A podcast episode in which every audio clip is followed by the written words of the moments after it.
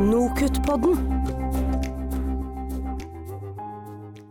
Hei og hjertelig velkommen til en ny episode og en ny sesong av Nokutt-podden. Mitt navn er Christian Berg, og i høstens eh, første sending skal vi snakke om teambasert læring. Og som alltid her i Nokut-podden så har vi med et eh, godt eksempel fra feltet. Og i dag så skal vi nordover fra der hvor jeg sitter. Vi skal vende snuta mot eh, bachelorutdanningen i sykepleie ved Nord universitet i Levanger. Mange har kanskje fått med seg hvordan de leverte gode resultater på nasjonal deleksamen i anatomi, fysiologi og biokjemi i fjor høst, og var blant noen ytterst få som faktisk fikk høyere karaktersnitt den gangen, til tross for alle utfordringene som var da med koronapandemien. Og vi har med oss eh, det vi kaller mesterhjernen bak den suksesshistorien, som eh, straks skal dele sine tips og triks med oss. Men først så må jeg få introdusere min gode kollega som sitter på andre siden av bordet her. Hei, Aslaug Louise Slette. Hallo. Kan ikke du gi oss en, en liten innføring i teambasert læring? Jo, det kan jeg gjerne gjøre. Eh, Teambasert læring det er en metode for å få til aktiv læring og deltakelse når det er mange studenter i et emne. Så det er to ideer som står sentralt her. Eh, Den ene ideen er at man tenker at studentene lærer mer når de er aktive, og ikke sitter som passive mottakere av eh, kunnskap.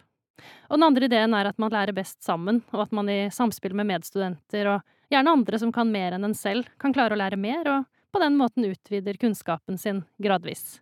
Så det blir dybdelæring i gruppe, med en eh, god dose tilrettelegging fra underviseren.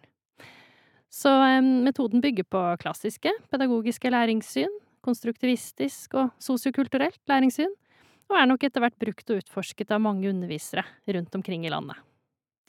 Og nå gleder vi oss til å høre mer om hvordan dette brukes i praksis ved Nord universitet. Og med oss som gjester har vi førsteamanuensis ved Fakultet for eh, sykepleie og helsevitenskap, Lars Berton Elnan Garnvik. Velkommen til deg. Hei, og tusen takk for det. Vi har også med oss student Kristoffer Elias Voldseth. Velkommen til deg også. Hei, hyggelig å få være med. Da eh, kjører vi i gang, og vi kan starte med deg, Lars. Kan du kort forklare hvorfor du bruker teambasert læring i din undervisning? Det skal jeg forsøke å gjøre. Når jeg starta å undervise uh, i dette emnet da, for uh, ja, et og et halvt, to, to, år siden, så bestemte jeg meg ganske tidlig for at jeg skulle ha et studentaktivt opplegg. Samtidig så var det en erkjennelse om at det er førsteårsstudenter, og at jeg må på en måte leie dem litt i handa. Så litt sånn metaforisk så bruker jeg å si at jeg skal tråkke opp stien for dem og vise dem veien, så, men de må gå sjøl. Og så må jeg gi en liten shout-out til en tidligere gjest på podkasten her, Børge Lillebo, eh, som eh, underviser på medisinstudiet på, i Trondheim, NTNU. Som da har brukt denne metoden over flere år, og som har inspirert meg og, og introduserte meg til teambasert læring. da. Um, og jeg fant vel ganske raskt ut når jeg kikka litt i forskninga på teambasert læring, at dette passa faget mitt og den studentgruppa veldig bra. Fordi jeg har uh, et stort studentkull på 140 studenter, og det er stort sett bare jeg som underviser. Og for å få til den uh, smågruppedynamikken, da, så passa dette uh, som hånd i hanske.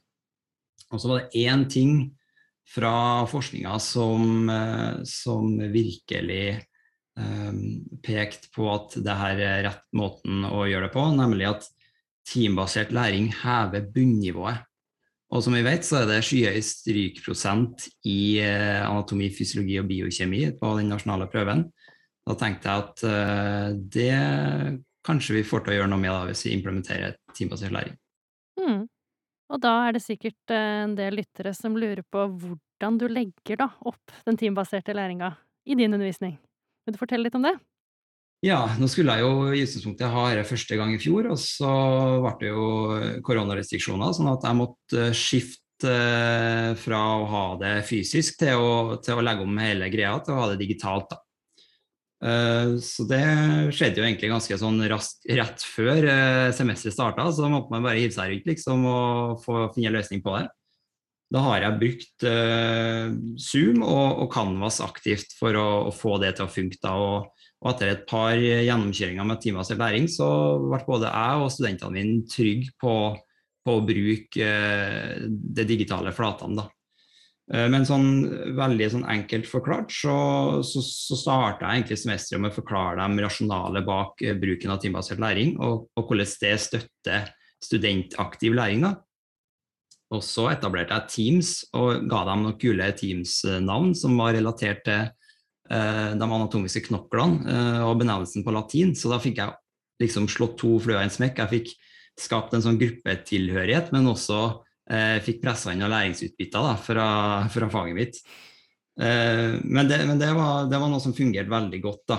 Så, sånn som Kristoffer han var da medlem av Team Scapula i stedet for basisgruppe B2, f.eks., som jeg syntes var fryktelig kjedelig. Da. Så hos meg så hadde vi Team Scapula, Team Kranium, Team Humerus, Team Vertebra osv. Eh, og selve TBL-konseptet foregår jo over tre faser, hvor den første fasen er en asynkron fase. og Da, da skjer de videoforelesning eh, eller les i pensumboka som forberedelse til fase to og tre, som da foregår synkront på Zoom. da.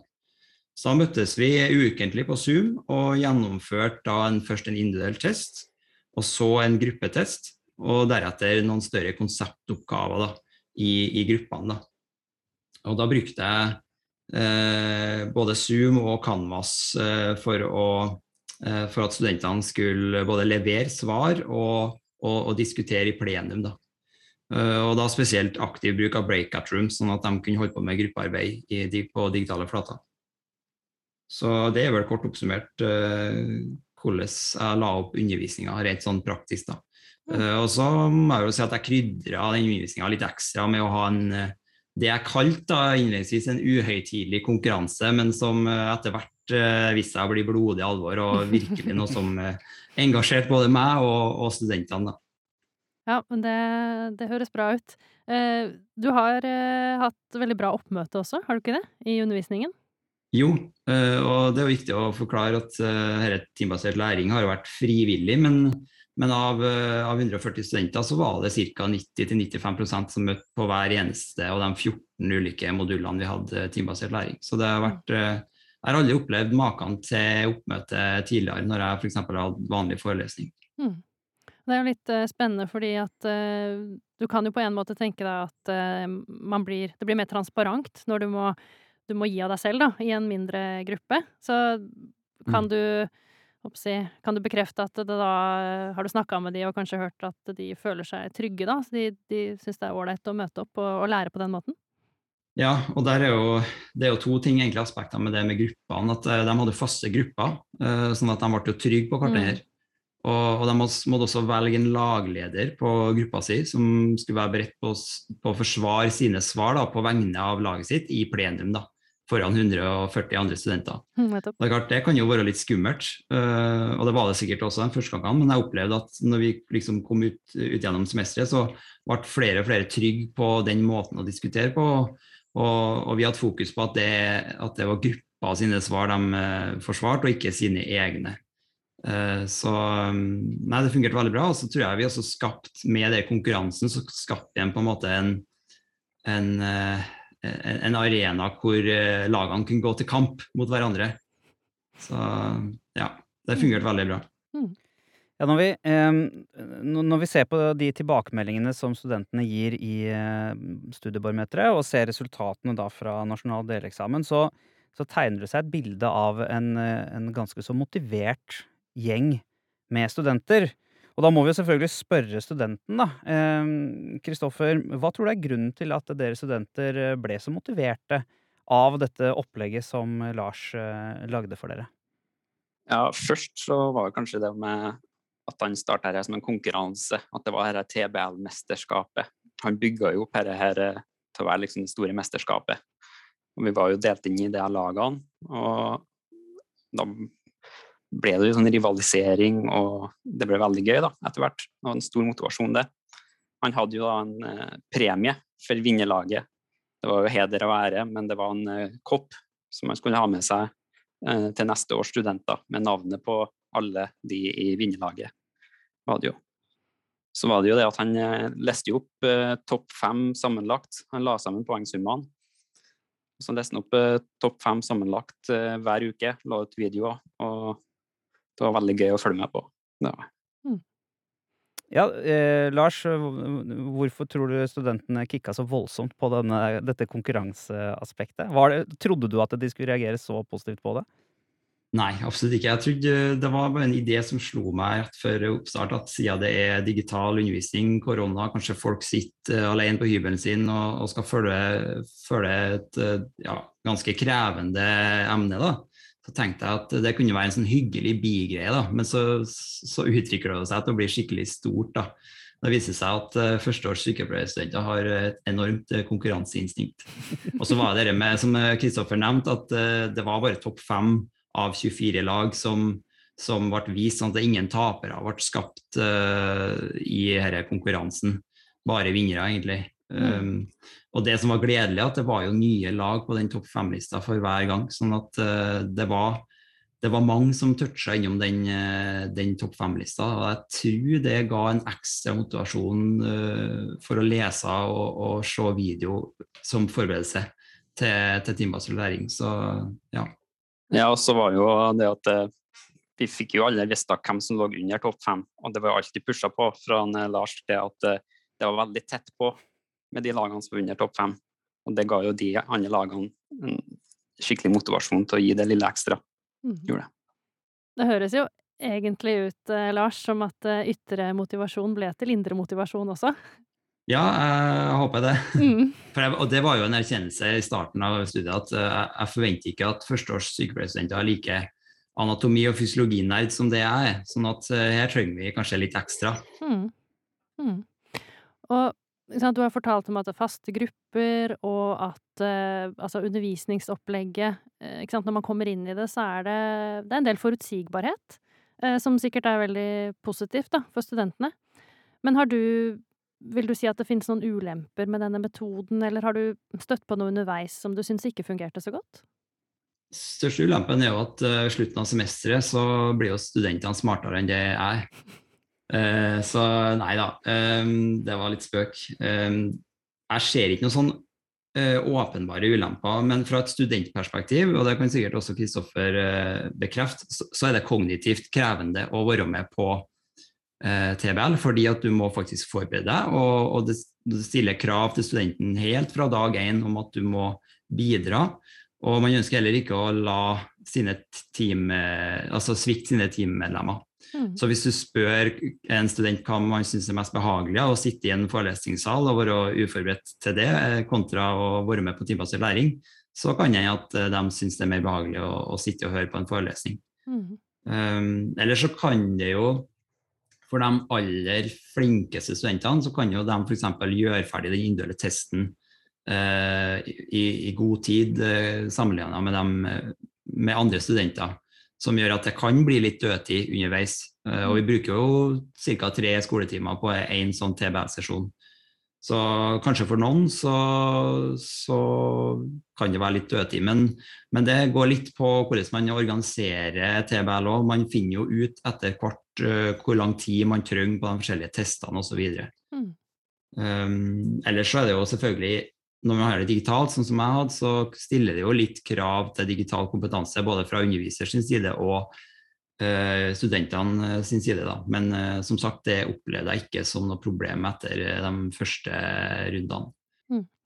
Kanskje få Kristoffer sin kommentar da, på, på, det som du har sagt, Lars. Har, har, du sett noen noe ulemper? Nei, det krever jo mer av deg som student, kanskje. Det er jo som sier at det er jo mer behagelig å bare sitte og høre på leksjoner. Det er det jo.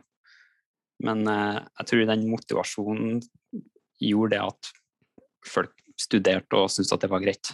Det, og det er et, et veldig tungt fag, det var vi alle innforstått med. Det. Og så en ting til som jeg syns eh, funka veldig bra med det her, er at eh, hvis vi hadde et tema, så gikk det eh, kanskje tre-fire uker, og så kjørte han en seminar der vi gjentok det vi lærte for eh, tre-fire uker siden for å da liksom heve kunnskapsnivået. Som det synker jo etter man har hatt et tema. Så da fikk vi liksom heva det bunnivået litt mer, føler jeg da. Mm. Lars? Jeg har bare lyst til å skyte inn det med at, eh, at det er mentalt krevende, for det, det er det. Men, men, jeg hadde fokus på helt fra starten av at vi skulle ha det artig underveis. Sånn at jeg tror faktisk med det opplegget vi, vi hadde sammen med TBL-mesterskapet, og den strukturen og forutsigbarheten som det er i TBL, så tror jeg ikke det opplevdes så hardt for dem. Jeg tror de jobba hardt, men kanskje ikke tenkt så mye over det, for at vi hadde det veldig artig da, eh, hver gang vi møttes på Zoom og hadde TBL. Absolutt. Som du sa i stad, Lars, så, så, lagde du jo da dette digitale opplegget fordi du eh, måtte. Eh, du hadde vel kanskje egentlig planlagt et fysisk, eh, et fysisk opplegg, men, men jeg hører på liksom hvordan dere organiserte dere med ja, 140 studenter og små grupper og raske, dette raske byttet mellom store, små grupper inn og ut og sånt. Hvordan, eh, eh hvordan i alle dager får man gjort det på, på campus? Ja, det er et godt spørsmål. Eh, jeg har jo ikke noe erfaring med det sjøl, men det er jo mest av det som er gjort av forskning, er gjort på fysisk undervisning, og det er jo der det stammer fra. Og det fungerer egentlig ganske bra i et auditorium f.eks. Men da, da, krever det av underviser at man organiserer litt på forhånd. Så da f.eks. eksempel har man forhåndsdefinerte plasser på, på hvert team, da, sånn at de setter seg i lag når de kommer inn i auditoriumet. Uh, og så er det med at det blir litt mer støy så klart når man skal ha gruppearbeid i et auditorium.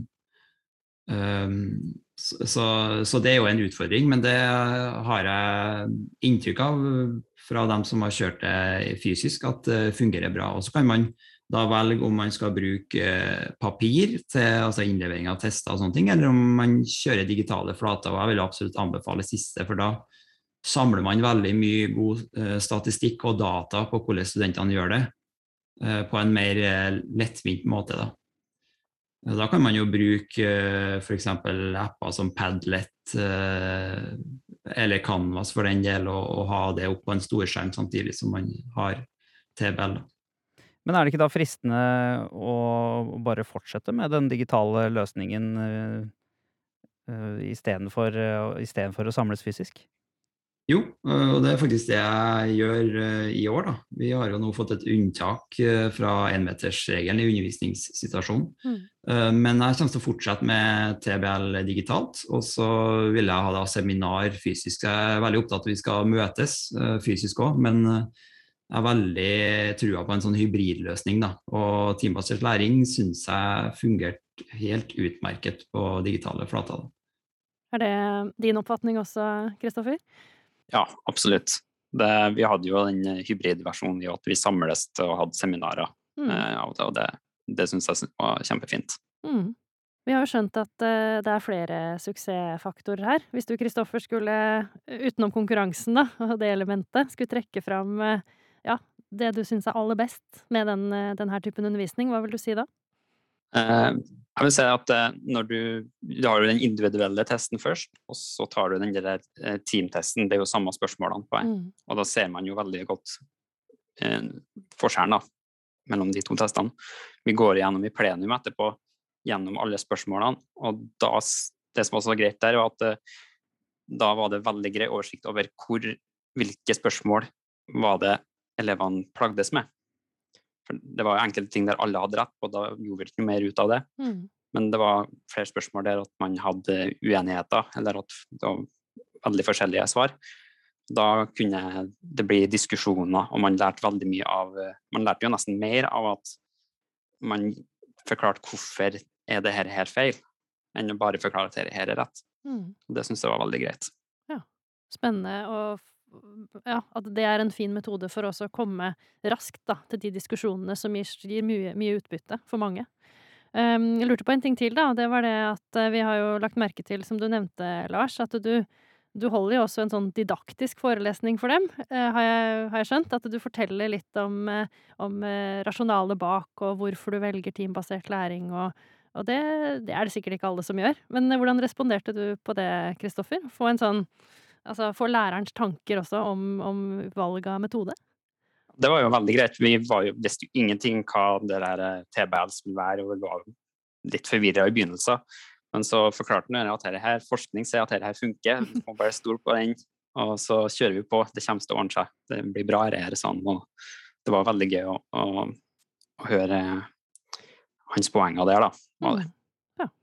Ja, det finnes jo masse litteratur, og man kan jo lese seg både opp og ned om teambasert læring. Men Lars, hvis du skal eh, gi noen liksom innfør... Ikke innføringstriks, kanskje, men liksom dine, dine tips og triks da, til de som, eh, de som tenker at dette her kanskje kunne passe i min eh, undervisning.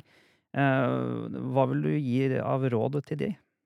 Ja, da er jo for første forklare rasjonalet bak uh, teambasert læring, og, og knytte det opp mot effektive læringsstrategier.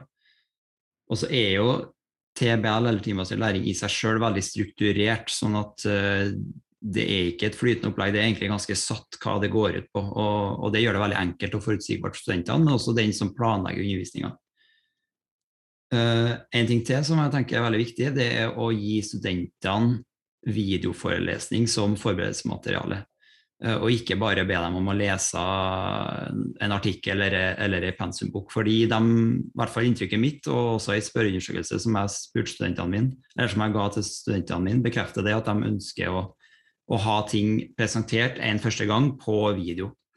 Så da kan man enten bruke materiell som finnes uh, ute fra før, enten via en ekstern leverandør eller på YouTube, eller spille inn egne videoforelesninger. Da får de også et ansikt uh, på eventuelt uh, den foreleseren eller den underviseren som er i det faget. Så det, det er også noe jeg har brukt når jeg introduserte evne. Da brukte jeg aktivt videoopptak av meg sjøl, fordi at de faktisk satt hjemme og, og fikk ikke møte meg i, i, fysisk. da. Eller så er jo det som jeg kaller krydderet da, i, i her, det som på en måte ikke nødvendigvis har med TBL-metoden i seg sjøl, men som du som underviser kan eh, krydre opplegget litt med. Da.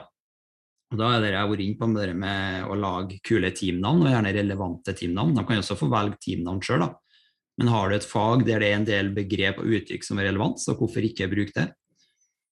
Og så er det med konkurranseaspektet. Eh, TBL genererer veldig mye data i forhold til poeng og sånne ting, så det er lett å lage en slags konkurranse rundt teambasert læring. Eh, og så er det, i hvert fall når man, man, jobber på digitale flater, så handler det om å være litt uh, inkluderende og raus, eh, og ikke minst by på seg sjøl. Det er jo litt sånn klisjé, men jeg fikk en tilbakemelding fra en student om at det føltes ut som var, eller det føltes ut som jeg var en programleder for dem, at de var med på et eller annet show hver tirsdag når de hadde TBL. Og da slo det meg ja, kanskje man skal prøve å være litt som en programleder da, og, og by på seg sjøl og, og, vise overfor studentene at uh, ja, det er et viktig fag, men her har vi litt takhøyde, her tør vi å være oss sjøl. For jeg tror det smitter over på studentene. Uh, jeg sier og både gjør mye rart overfor studentene mine, men da viser, det, viser jeg dem at her, her kan vi være oss sjøl. Så, så, det å by på humor og engasjement, det, det tror jeg er spesielt viktig i digital undervisning. Og så er det vel viktig å, å sette eh, premissene, da, som du sier, tidlig, sånn at man unngår da disse svarte skjermene og alt det som vi har lest og hørt om, eh, som mange har slitt mye med, da.